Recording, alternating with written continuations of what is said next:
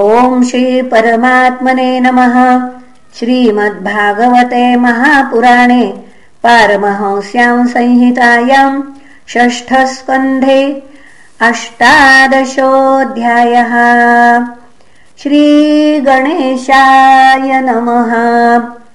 श्रीशुक उवाच कृष्णस्तु पत्नी सवितुः सावित्रीम् व्याहृतिम् त्रयीम् अग्निहोत्रम् पशुम् सोमम् चातुर्मास्यम् महामखान् सिद्धिर्भगस्य भार्याङ्ग महिमानम् विभुम् प्रभुम्। आशिषम् च वरारोहाम् कन्याम् प्रासूतसुव्रताम्। धातुः कुः किसिनी बाली राका चानुमतिस्तथा सायम् दर्शमथः प्रातः पूर्णमासमनुक्रमात् अग्निम् पुरीष्यानाधत्त क्रियायाम् समनन्तरः चर्षणी वरुणस्यासीद्यस्याम् जातो भृगुः पुनः वाल्मीकिश्च महायोगी वल्मिकादभवत् किलो अगस्तश्च वसिष्ठश्च मित्रावरुणयोर्ऋषिः रेतशिशिचतुः कुम्भे उर्वश्या सन्निधौ द्रुतम् रेवत्याम् मित्र उत्सर्गमरिष्टम् पिप्पलम् व्यधात् पौलम्यामिन्द्र आधत्त त्रीन् पुत्रानिति न श्रुतम् जयन्तम् ऋषभम् तात तृतीयम् मीढुषम् प्रभुः। उरुक्रमस्य देवस्य मायावामनरूपिणः कीर्तौ पत्न्याम् बृहच्छलोकस्तस्यासन् सौभगादयः। तत्कर्मगुणवीर्याणि काश्यपस्य महात्मनः पश्चाद्वक्ष्यामहे दित्याम् यथा वावततारः अथ कश्यपदायादान् दैतेयान् कीर्तयामि ते। यत्र भागवतः श्रीमान् प्रह्लादो बलिरेव च। दितेर्द्वावेव दायादौ दैत्यदानववन्दितौ हिरण्यकशपुर्नाम हिरण्याक्षश्च कीर्तितौ। हिरण्यकशिपोर्भार्या कयाधुर्नाम दानवी जम्भस्य तनया दत्ता सुषुवे चतुरः संह्रादम् प्रागुनुह्रादम् ह्रादम् प्रह्रादमेव च तत्स्वसा सिंहिका नाम। राहुम् विप्रचितो गृहीतो शिरोहरद्यस्य हरिश्चक्रेण पिबतोऽमृतम् संह्रादस्य कृतिर्भार्या सूतपञ्चजनम् च पुनः पञ्चजनम् ततः। ह्रादस्य धमनिर्भार्या सूत वातापि मिल्वलम् योगस्त्याय त्वतिथये पेचे वातापि मिल्वलः अनुह्रादस्य सूर्म्यायाम् बाष्कलो महिषस्तथा विरोचनस्तु प्राह्वादिर्देव्यास्तस्या भवद्बलिः। बाणज्येष्ठम् पुत्रशत मशनायाम् ततोऽभवत् तस्यानुभावः सुश्लोक्य पश्चाद्देवाभिधास्यते। बाणः आराध्य गिरिशम् लेभे तद्गुणमुख्यताम्। यत्पार्श्वे भगवानस्ते। पुनः यत्पार्श्वे भगवानास्ते। यद्यापि पुरपालकः मरुतश्च दितेः पुत्राश्चत्वारिंशन्नवारिकाः त आसन्न प्रजाः सर्वे नीता इन्द्रेण चात्मताम् राजोवाच कथन्त आसुरम् भाव मपो ह्यौत्पत्तिकम् गुरो।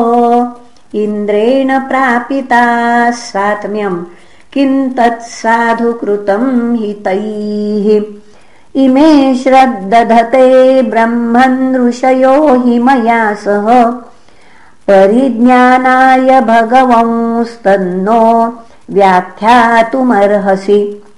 सुत उवाच तद्विष्णुरातस्य सवादरायणिर्वचो निशम्यादूतमल्पमर्थवत् सभाजयन् सन्निभृतेन चेतसा।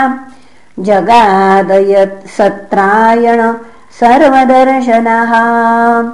श्रीशुक उवाच हतपुत्रादितिः शक्रपार्ष्णि ग्राहेण विष्णुना यन्मन्युना शोकदीप्तेन ज्वलन्ती पर्यचिन्तयत् कदा नु भ्रातृहन्तारोमिन्द्रिया राममुल्बणम् अक्लिन्नहृदयम् पापम् घातयित्वा शये सुखम् कृमिबिड्भस्मसंज्ञासीद्यशेषाभिहितस्य च भूतदृक्तत्कृते स्वार्थम् किम् वेद निरयो यतः आशासानस्य तस्येदम् ध्रुवमन्नद्धचेतसः मदशोषक इन्द्रस्य भूयादेन सुतो हि मे इति भावेन सा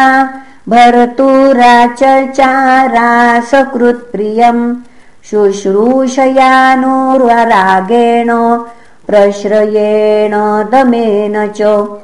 भक्त्या परमया राजन् मनोज्ञैर्वल्गुभाषितैः। मनोजग्राहभावज्ञा सुस्मितापाङ्गवीक्षणैः। एवम् श्रिया जडीभूतो विद्वानपि विदग्धया बाढमित्याह विवशो न चित्रम् हि योषिति विलोक्यैकान्तभूतानि भूतान्यादौ प्रजापतिः। श्रियम् चक्रे स्वदेहार्धम् यया पुंसाम् मतिर्हताम् एवम् शुश्रूषितस्तात भगवान् कश्यपस्त्रिया प्रहस्य परमप्रीतो दितिमाहाभिनन्द्य च कश्यप उवाच वरम् वरय वामोरु प्रीतस्तेऽहमनिन्दिते स्त्रिया भरतरि सुप्रीते कः काम इह चागमः। पतिरेव हि नारीणाम् दैवतम् परमम् स्मृतम् मानसः सर्वभूतानाम् वासुदेव श्रिय पतिः। स एव देवतालिङ्गै नामरूपविकल्पितैः इज्जते भगवान् पुम्भि स्त्रीभिश्च पतिरूपदृक तस्यात् पतिव्रता नार्य श्रेयस्कामासु मध्यमे यजन्ते नन्यभावेन पतिमात्मानमीश्वरम्।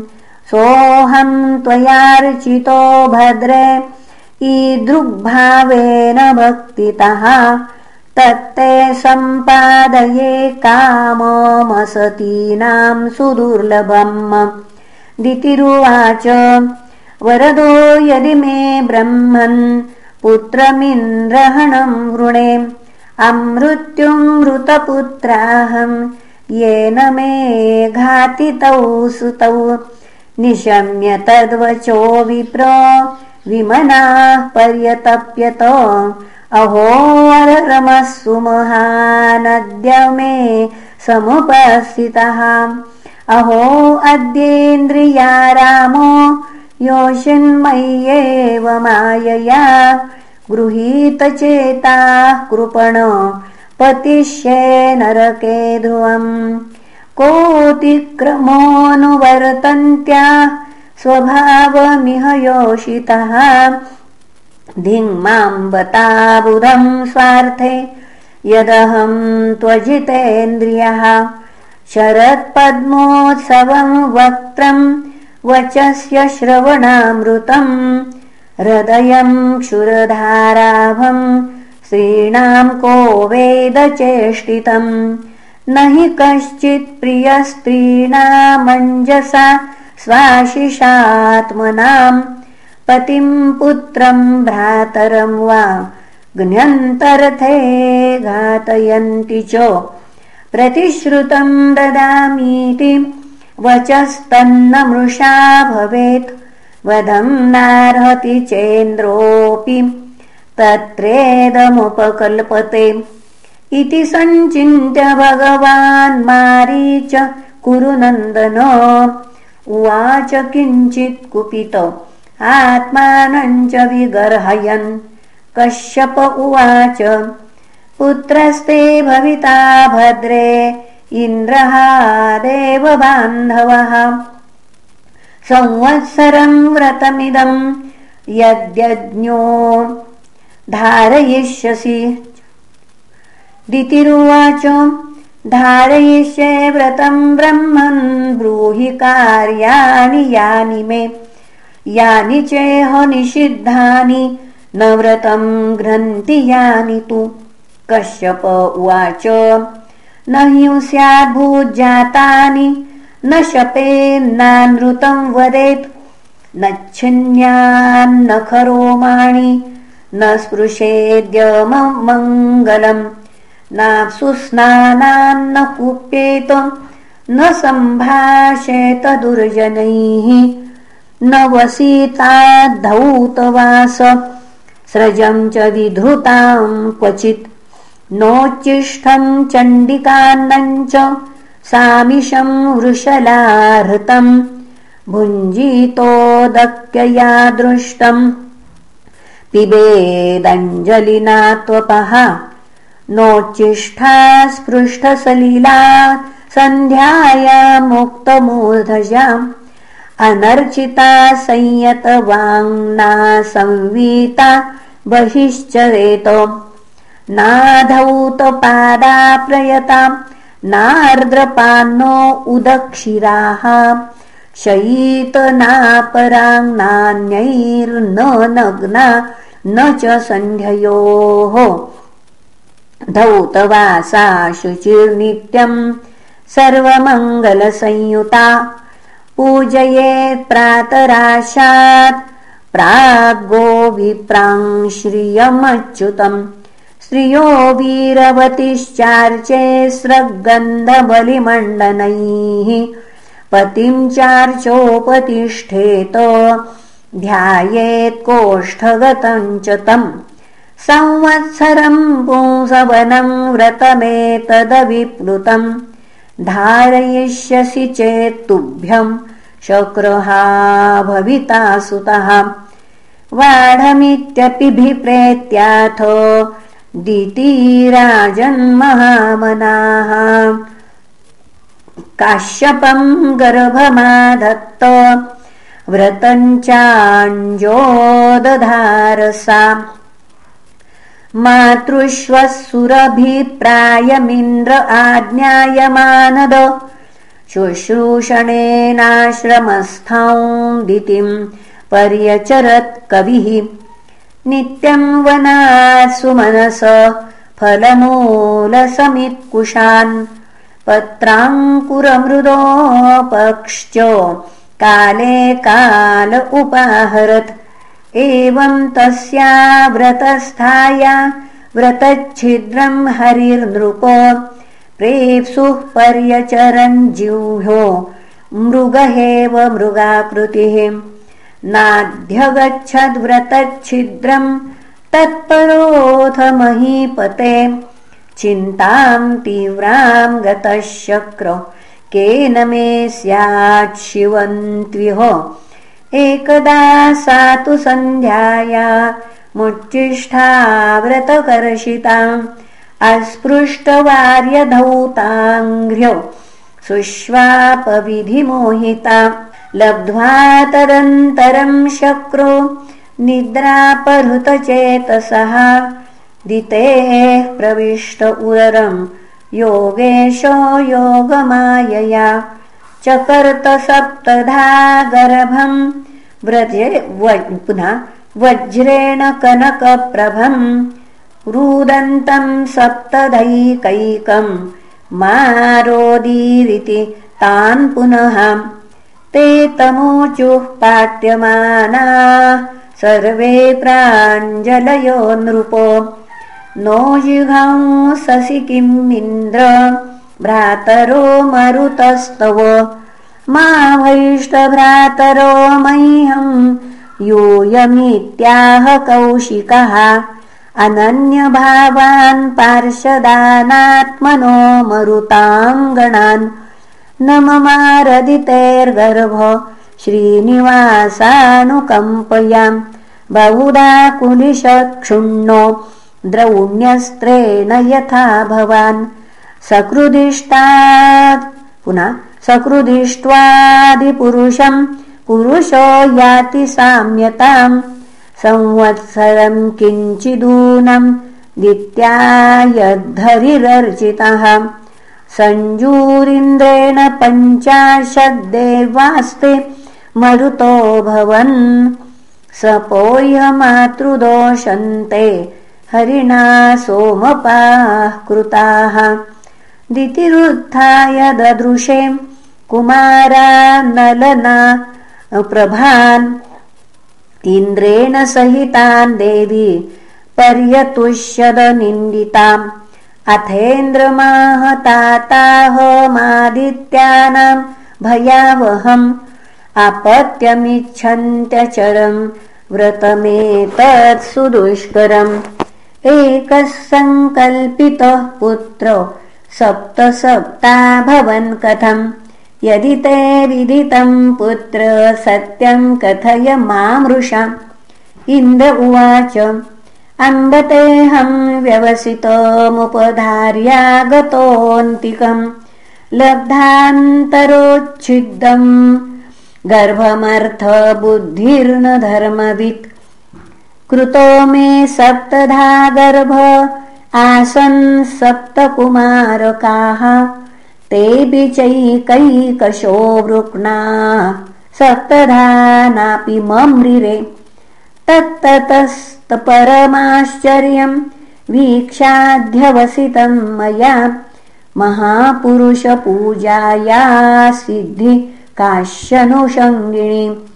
आराधनम् भगवत इहमाना निराशिषः ये तु नेच्छन्तपि परन्ते स्वार्थकुशला स्मृताः। आराध्यत्मप्रदम् देवम् स्वात्मानम् जगदीश्वरम् को वृणीते गुणस्पर्शम् बुधस्यान्नरकेऽपि यत् तदिदम् मम दौर्जन्यम् बालिशस्य महीयसि। क्षन्तुमर्हसि मातस्त्वम् दिष्ट्या गर्भोऽमृतोत्थितः श्रीशुक उवाच इन्द्रस्तस्तयाभ्यनुज्ञात शुद्धभावेन तुष्टयाम् मरुद्भिः सहताम् नत्वा जगाम त्रिदिवम् प्रभुः। एवम् ते सर्वमाख्यातम् यन्माम् त्वम् परिपृच्छसि। मङ्गलम् मरुताम् जन्म। किम् भूय कथयामि ते? इति श्रीमद्भागवते महापुराणे पारमहंस्याम् संहितायाम् षष्ठस्कन्धे मरुदुत्पत्तिकथनम् कथनम् नामाष्ट अष्टादशोऽध्यायः। श्रीकृष्णार्पणमस्तु हरये नमः हरये नमः